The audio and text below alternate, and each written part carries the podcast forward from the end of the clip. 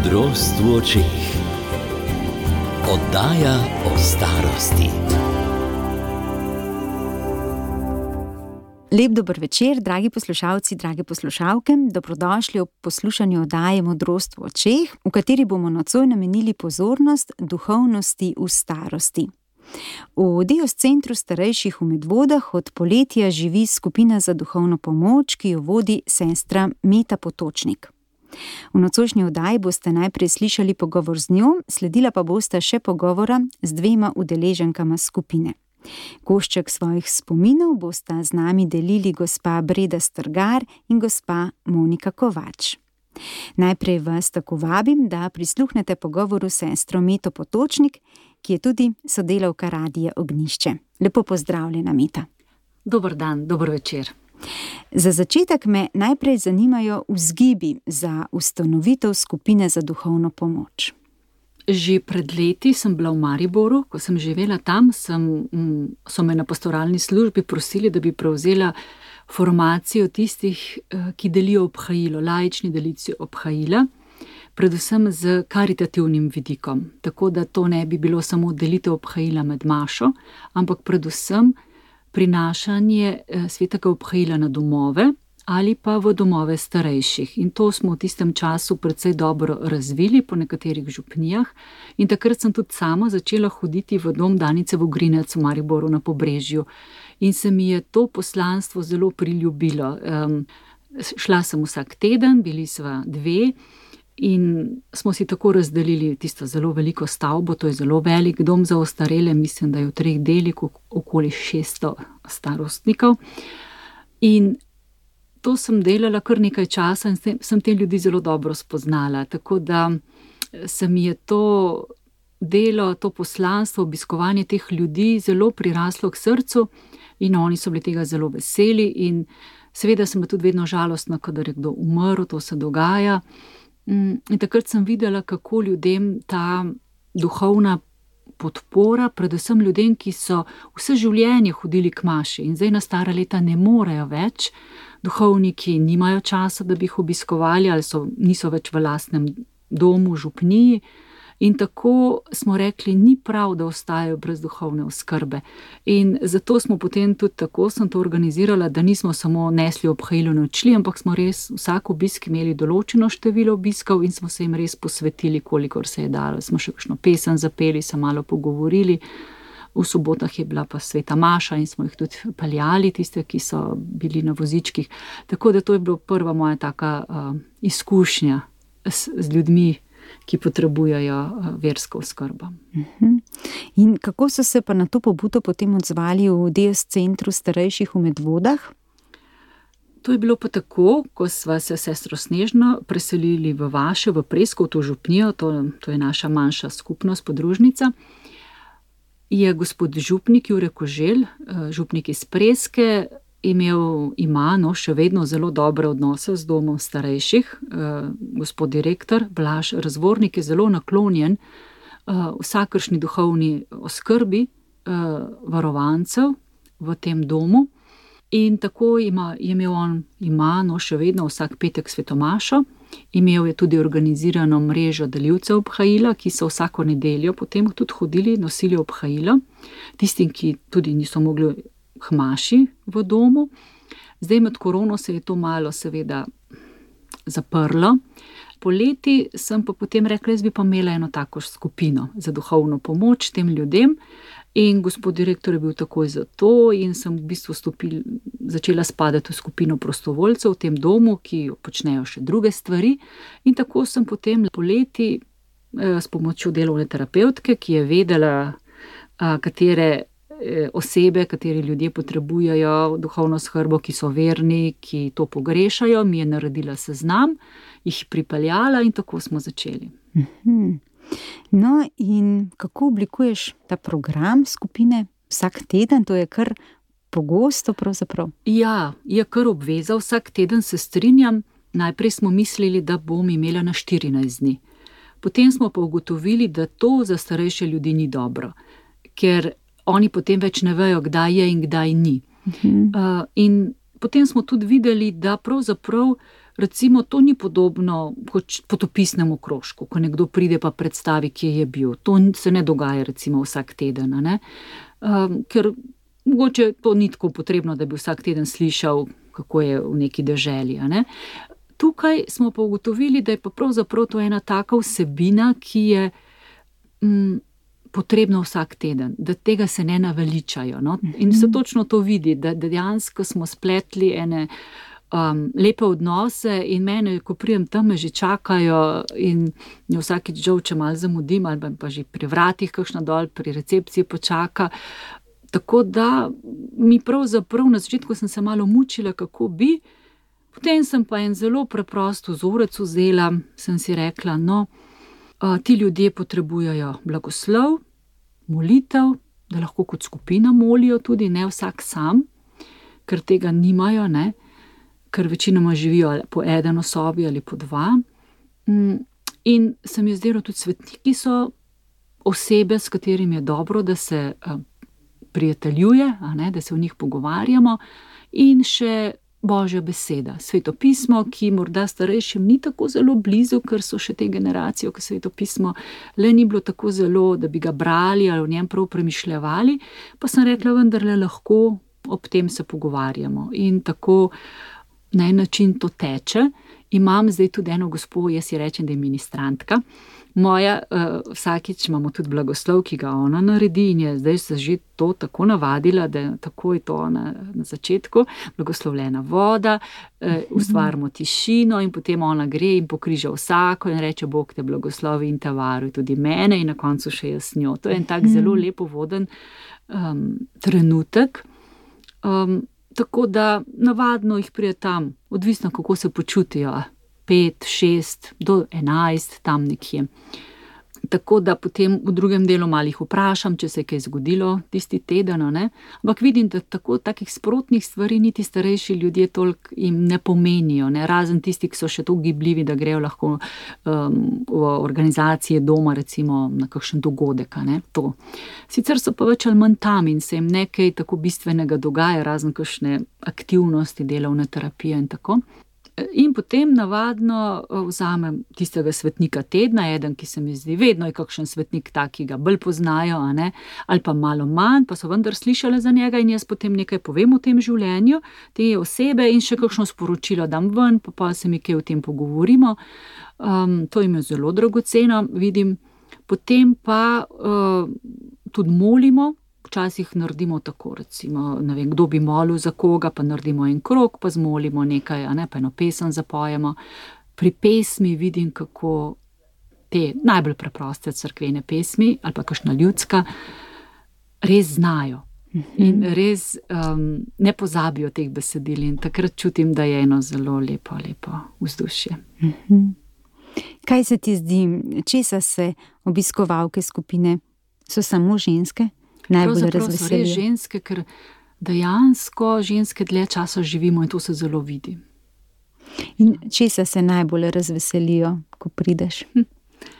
Ja, že to, da pridem, mm, pridem dobre volje in vsakeč rečejo, no, eh, kjer svetnik bo pa danes, recimo, to jih zanima, uh -huh. pa vedno tudi prinesem jaz kakšen dar, tako da na koncu imamo tudi malo gape, to imajo tudi rade. Um, tako, to, pa predvsem to, da včasih kakšno vprašanje postavim, da se one lahko spominjajo, to tudi zelo rade pripovedujejo. Seveda, da je kakšne malo bolj slišijo, druge malo manj, tukaj moramo malo biti pozorni. Pač.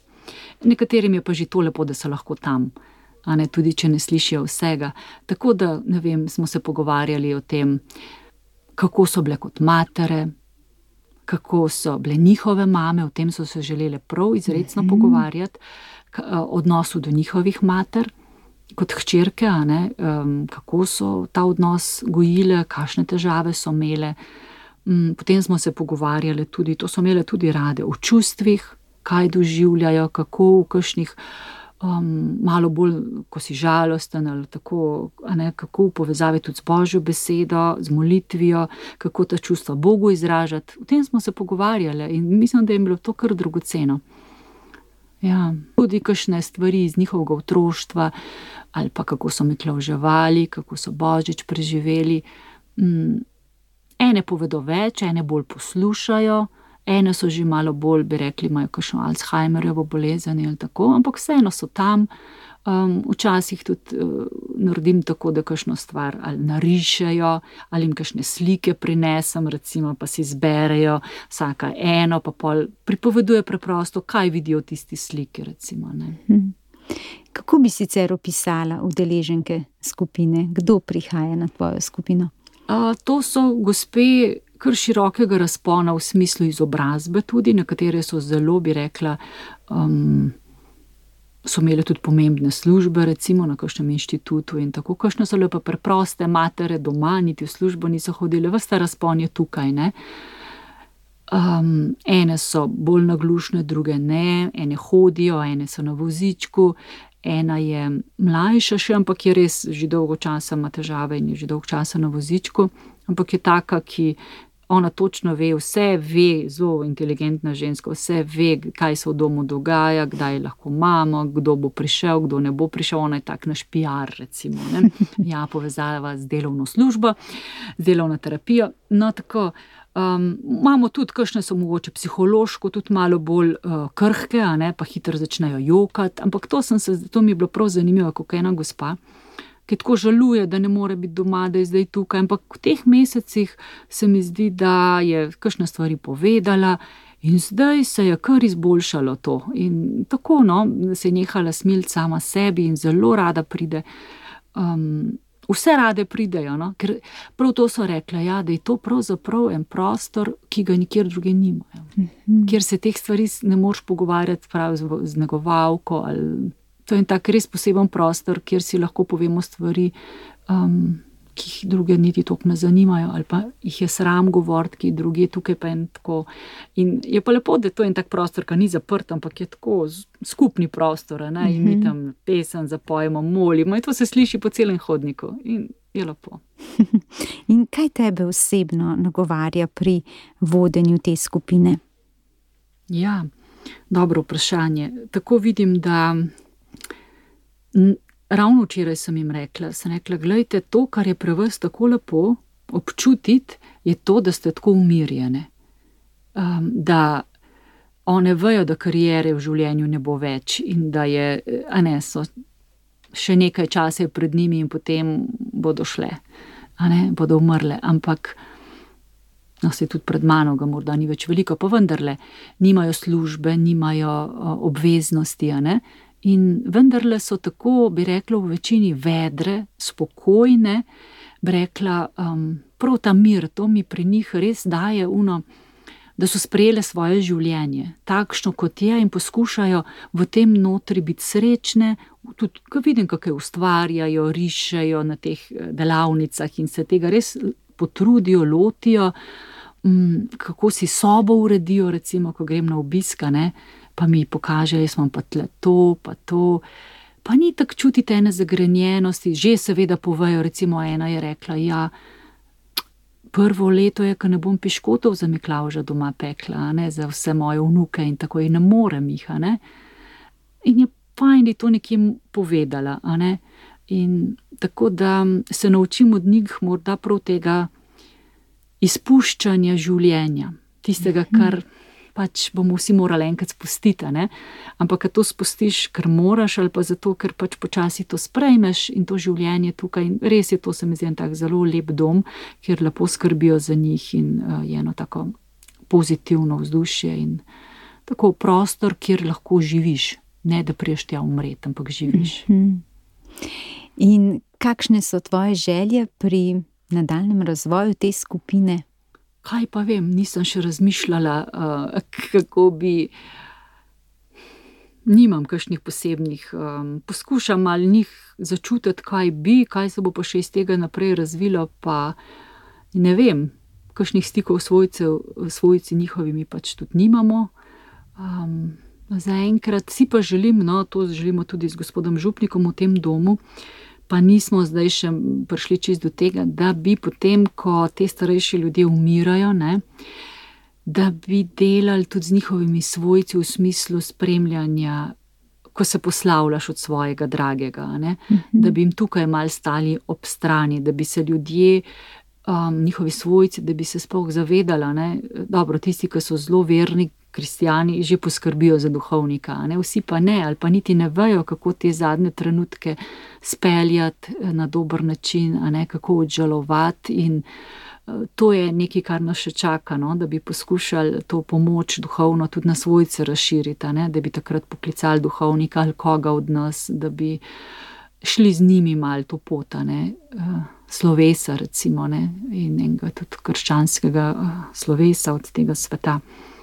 Sicer pa, kaj več, zaenkrat je to pač takšna skupina, kot je ena od nekaterih drugih, ki so tudi v domu, ne, eni špilajo karte, eni, eni ne vem, kaj še vse počnejo, nekaj prihajajo prostovoljci. Naša je pa takšna. Zdaj, če pa še kakšen moški, kdaj je prišel, bi bilo tudi lepo, ja, sam dejansko jih ni prav veliko. No. Prav lepa hvala, sestra Mita Potočnik, za tale pogovor, za to, da smo izvedeli, kako ta skupina za duhovno pomoč živi. Ne živi še naprej, morda se še razmnožiš v kakšen drug dom, gotovo bi bili veseli še marsikje. Ja, vse to si želim, pa ne morem jaz tega voditi, ampak da bi se tudi drugi lajki, recimo, ne, ne samo duhovniki, pa posvečene osebe, da bi rekli, vse to lahko vodi vsak, veste, to ni nič posebnega, ne, ne rabiš biti nek, ne vem kaj vse znata. Ne. Um, da bi prav res to duhovno področje, ki se ob času uh, staranja, poslavljanja, prebuja, ker duh nikoli ne umre, telo umre, psiha se poslabša, ampak duh je močan. Jaz vidim, da um, tudi vem, človek z Alzheimerjevo boleznijo, recimo, njegov duh ostane nepoškodovan, to ne more bolezen vzeti. Ne? Mhm. In lahko to samo ena pesem, ena molitev, ena slika, nekaj, kar sem prepričana, da v njih to duhovno življenje gre dalje. Tako, še enkrat hvala za pogovor in vse dobro pri vodenju in tudi sicer. Hvala lepa, nasvidenje.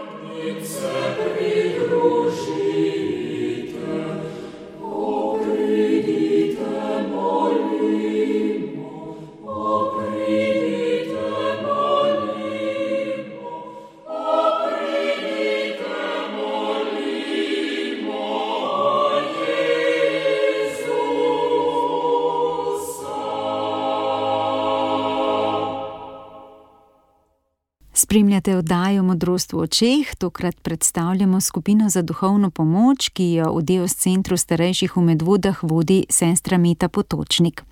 V nadaljevanju boste slišali pogovor z dvema udeleženkama. Najprej vas vabim, da prisluhnete pogovoru z gospo Bredo Strgar. Vabljeni k poslušanju.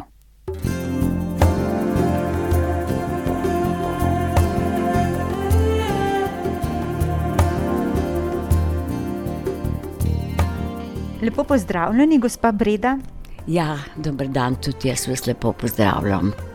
Sestra Meta je povedala, da ste vi eh, zvesta obiskovalka skupine za duhovno pomoč. Pa povejte, prosim, kaj počnete na tej skupini? To je urca, veste, ko imamo priliko, da se pogovorimo malo, ne samo, ne vem, kaj bomo delali, ampak malo kako pravzaprav tudi naše duhovno življenje poteka. Najprej se pač pozdravimo, ponavadi pomolimo, kakšno, bo, kakšno molitev zmolimo za, za najrazličnejše namene. Za zdravje naše hiše, za zdravje vsakega posameznika, ki ga imamo mi v mislih, in pač če je kaj takega posebnega, pa še za obujanje recimo, tega spomina in tako. Potem, potem pa beremo iz nam sestra Meta, prebere recimo kakšno zgodbo iz svetega pisma. In tako, ali kaj je bilo tisti dan se zgodilo, kdo je, kdo je svetnik, ki praznuje na tisti dan, o njem pove, kaj pač od njegovega življenja, kaj je bilo prav zato, pravzaprav tisto, zaradi česar je bil ta svetnik res postal svetnik. Ne? Vendar smo se pri tem še pomenili tudi, da lahko pravzaprav vsi tudi ni, ne imenovani svetniki, smo, svetniki, smo svetniki. In potem smo se pogovarjali o tem, kakšne lastnosti mora imeti človek, če ga lahko pred, predstavimo in ga imamo za svetnika. Tudi vsak je povedal, če ima kje koga, kakšno osebo, ki ima res te lastnosti, ki bi ga lahko, da bi ga lahko imenovali in o njem mislili, da je res svet človek. No, tudi jaz sem imela primer, to je moj zet, moram povedati, ki je poln, torej v prvi vrsti ni egoist, ne. Če ni človek egoist, je že vse povedano. Se pravi, ne živi zase, ampak živi za druge.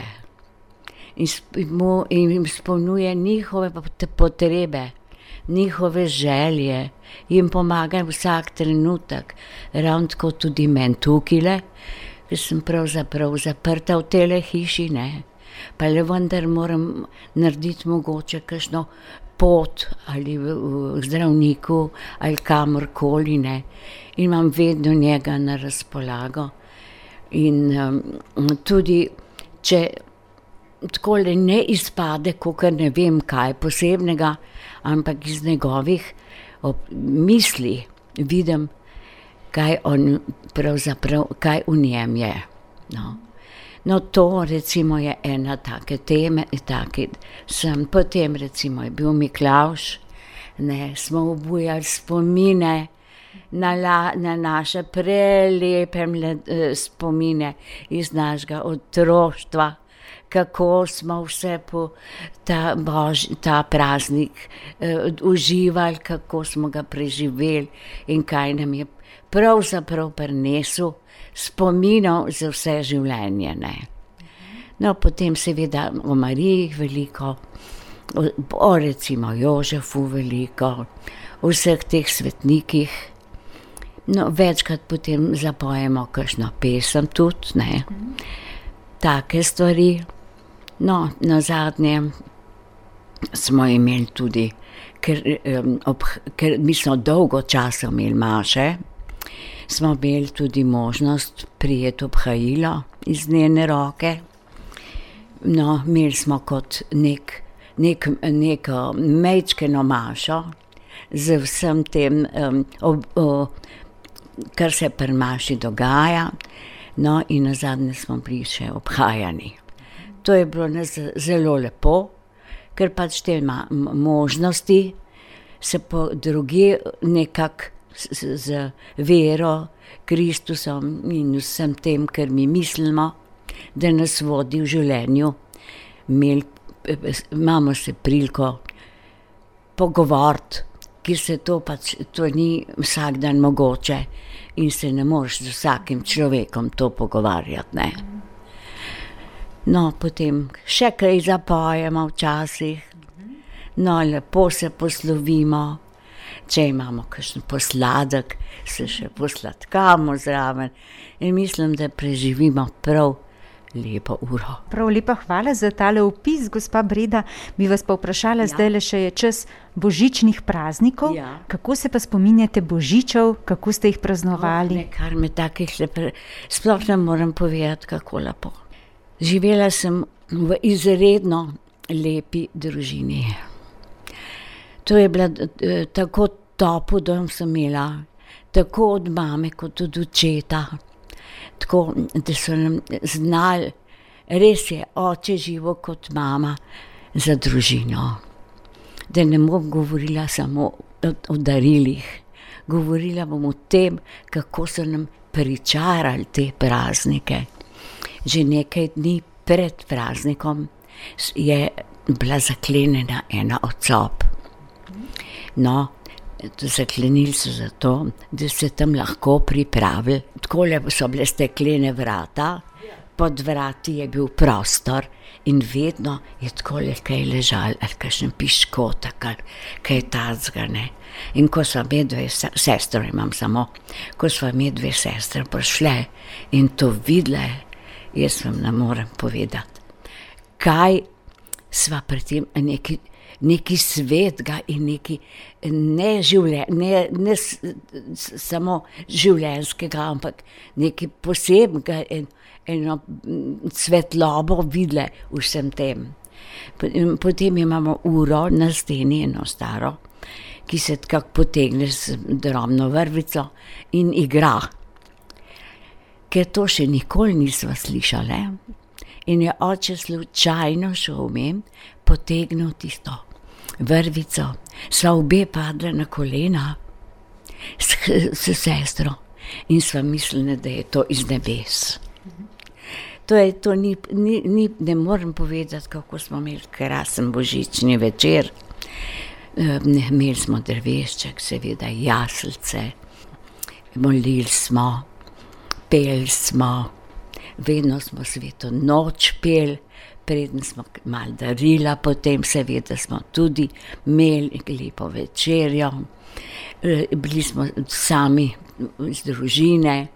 Prišel je še vedno en stric, ki bil, ni bil poročen in je zelo spadal v našo družino.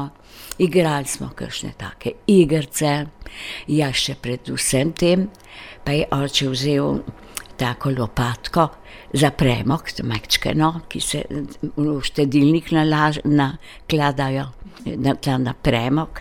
V tisto je dal, na užerjavcu je dal tale kadilo. Ja.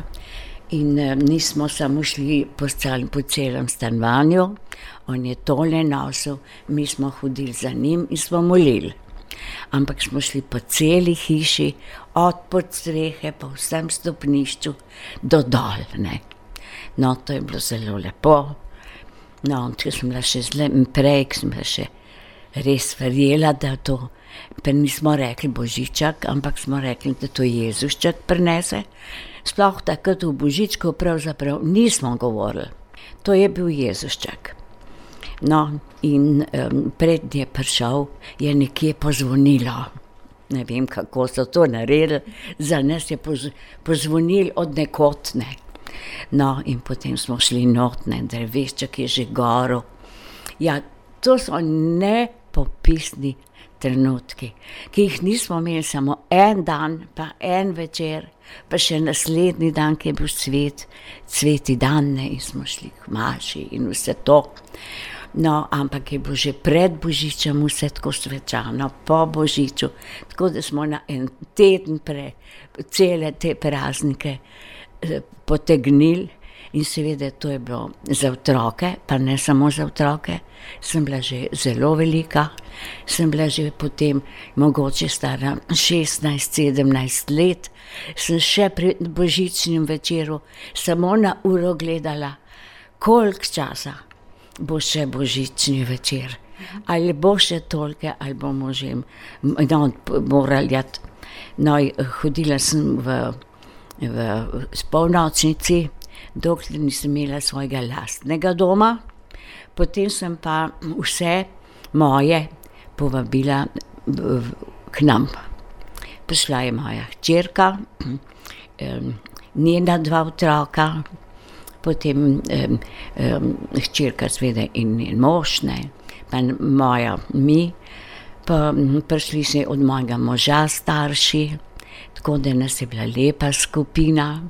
No, in najmlajši je bil star že recimo v tisti dobi, ko je bil star že enih sedem let.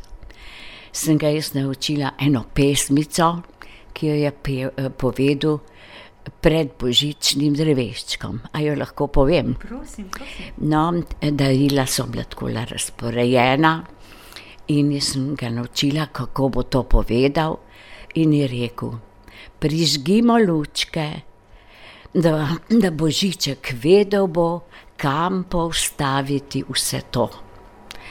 Prižgimo lučke, da Mariji z otročičkom in nam vsem v srcih bo lepo. Je, to sem jaz napisala, tudi ne. In to sem ga naučila, in pa je rekel: Vsem lepe, lep Božič.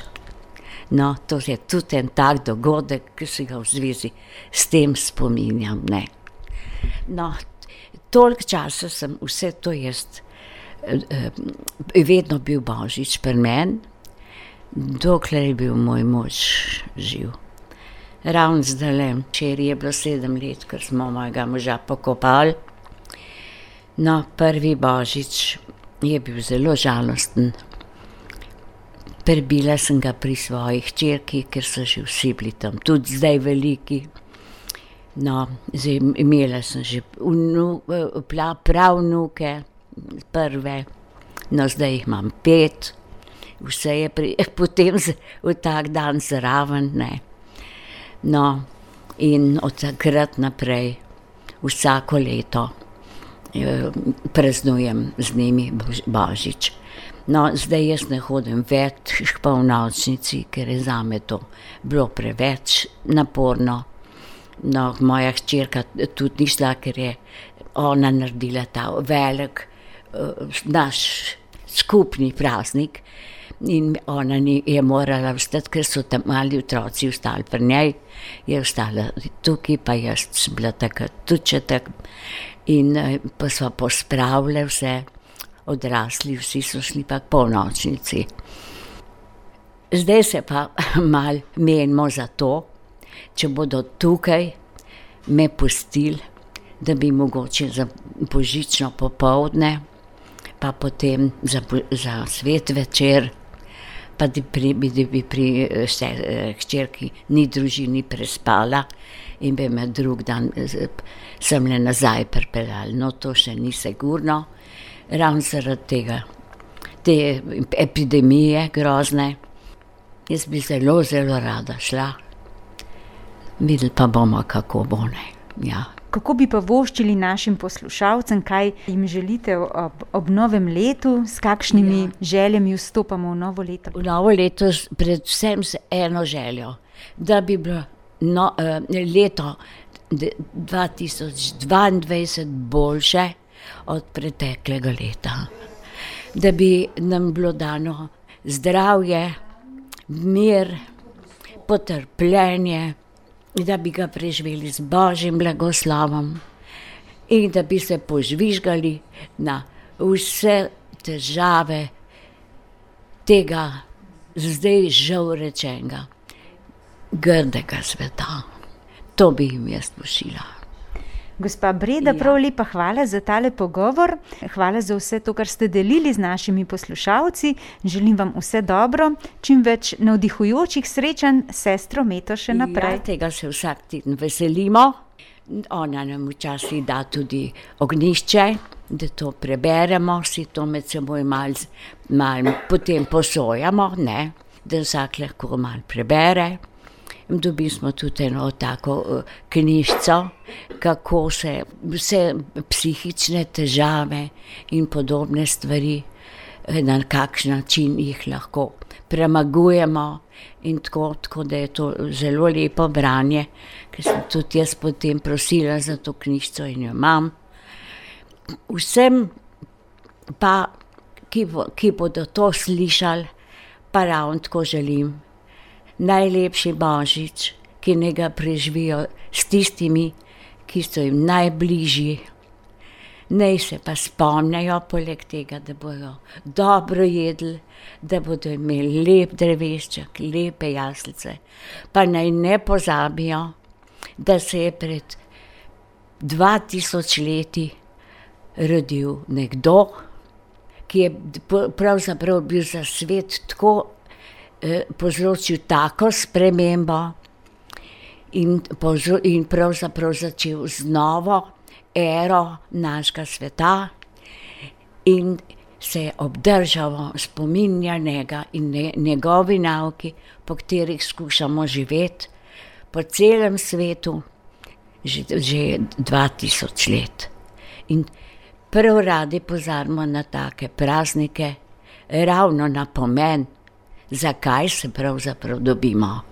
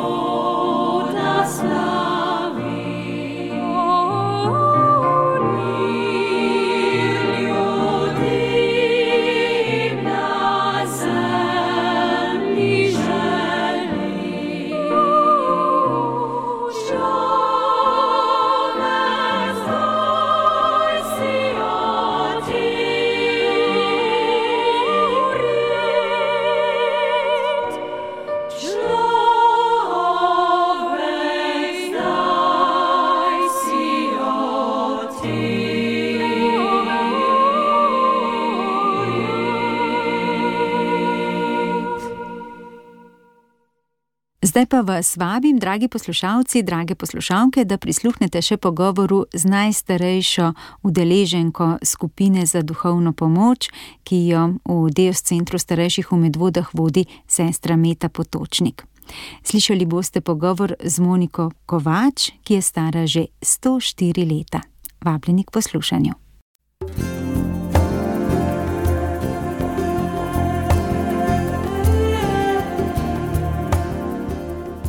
Lepo pozdravljeni, gospa Monika. Enako tudi jaz vas lepo pozdravljam.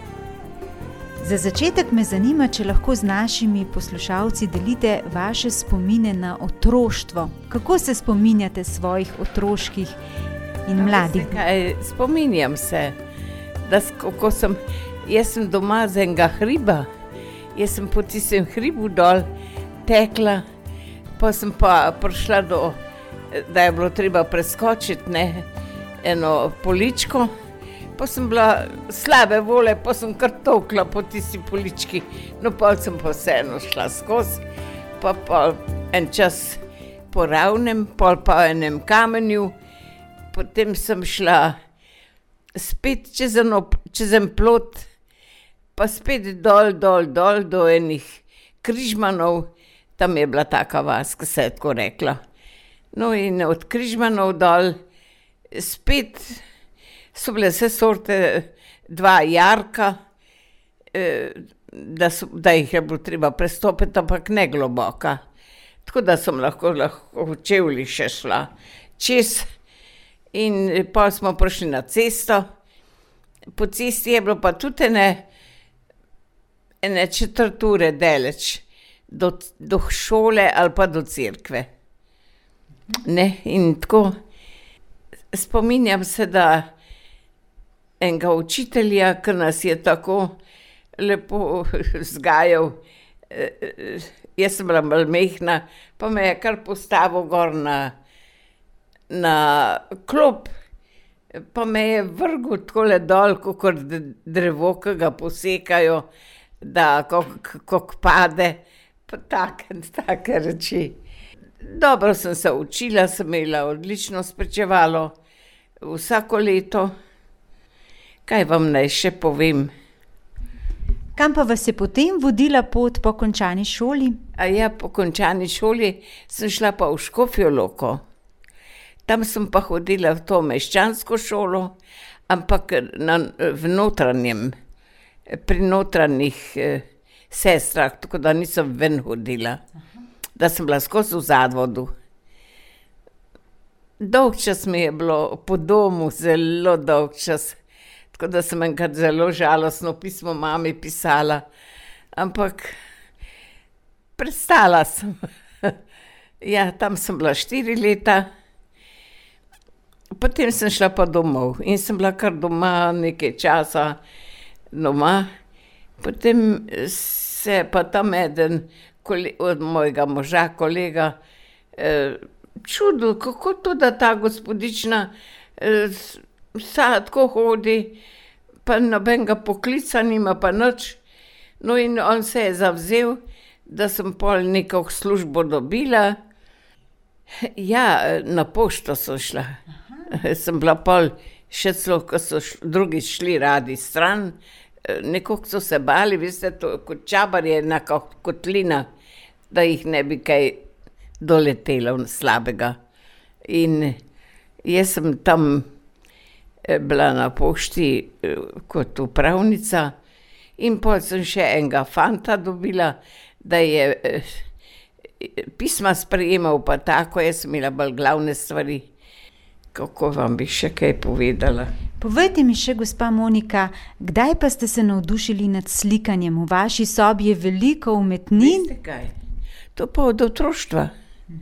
Vse, tudi, tudi tiste eh, katekizem, eh, pa svetopismo, vse Abrahame, pa vse tele sem preslikala, ampak s takimi barvicami, veste, s temi svinčniki. Ni bilo kaj, ampak zadovoljila sem se s tem in zelo, zelo rada slikala, tudi jedla ne bi, samo da sem da sem lahko kaj slikala, pa črtala. In še danes slikate. Ja. Če je kaj, zdaj, ko je, ko sem tukaj v zavodu, hodimo na take, eh, kako bi rekla, ekskurzije, da tam eh, kaj poslikamo. Večkrat kaj naredimo in jaz imam veselje, da, da kaj naredim. Ja. Kaj najraje slikate, kakšne motive imate najraje? motive. Ja, vse naravo imam najrajši. Naravo. Vse tam ne vem, kaj je ena slika v naravi. Pa tole tudi. To ne, to je po eh, nemškem slikarju Kleinu, posneto po njem. Tole ne, to sem, to sem tudi jaz sama narisala.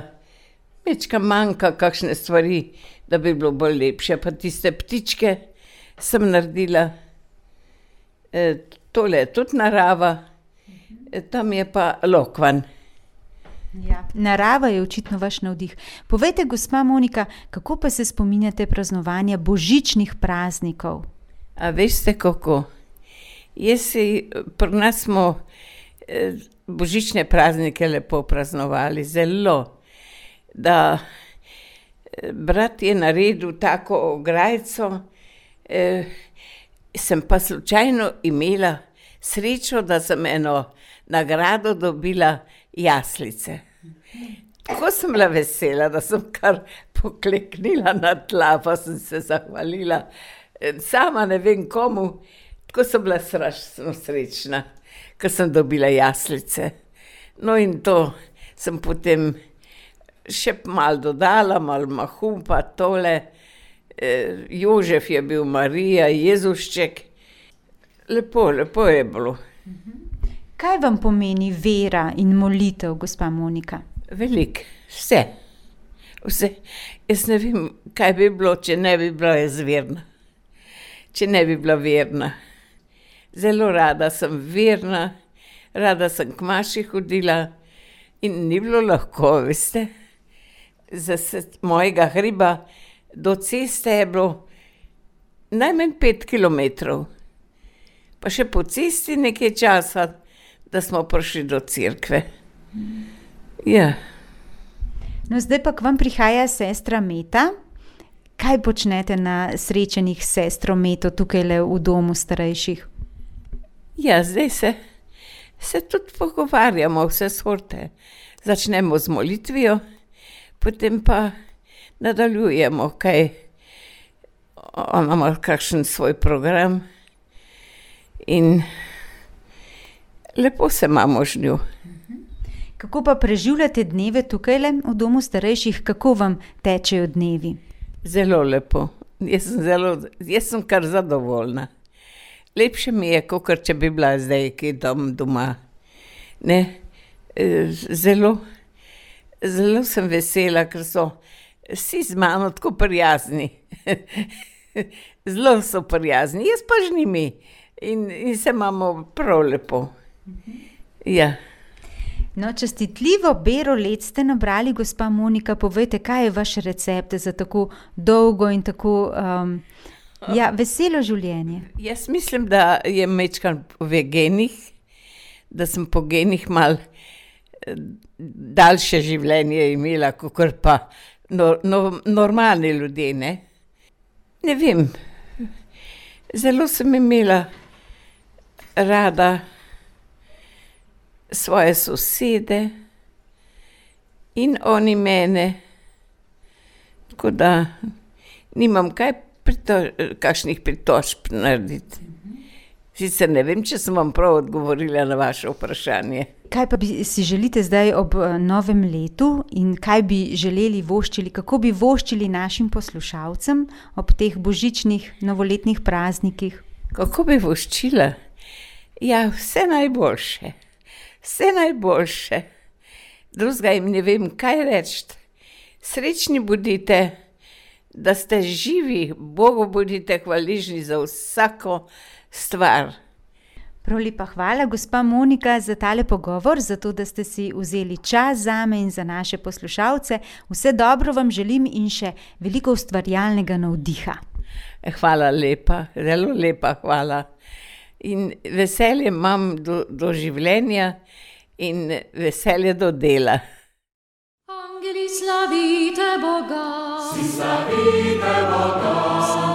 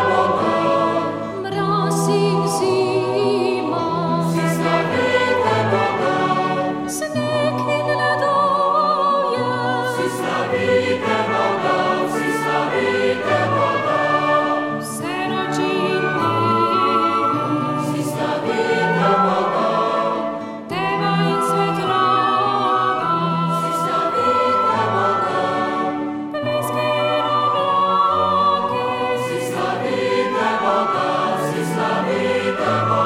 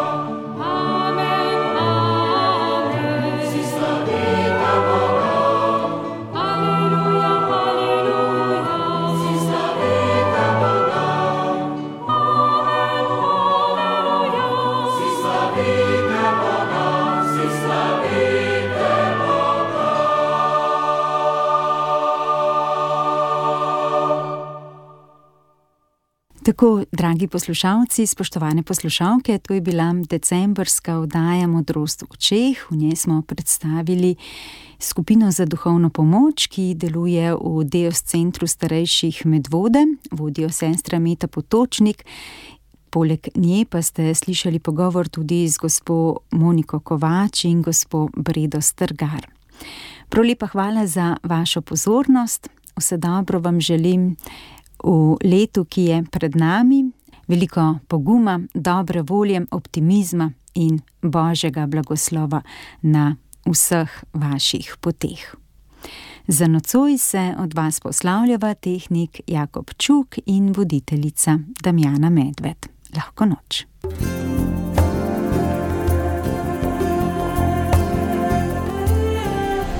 Poslušali ste oddajo Modrost v očeh.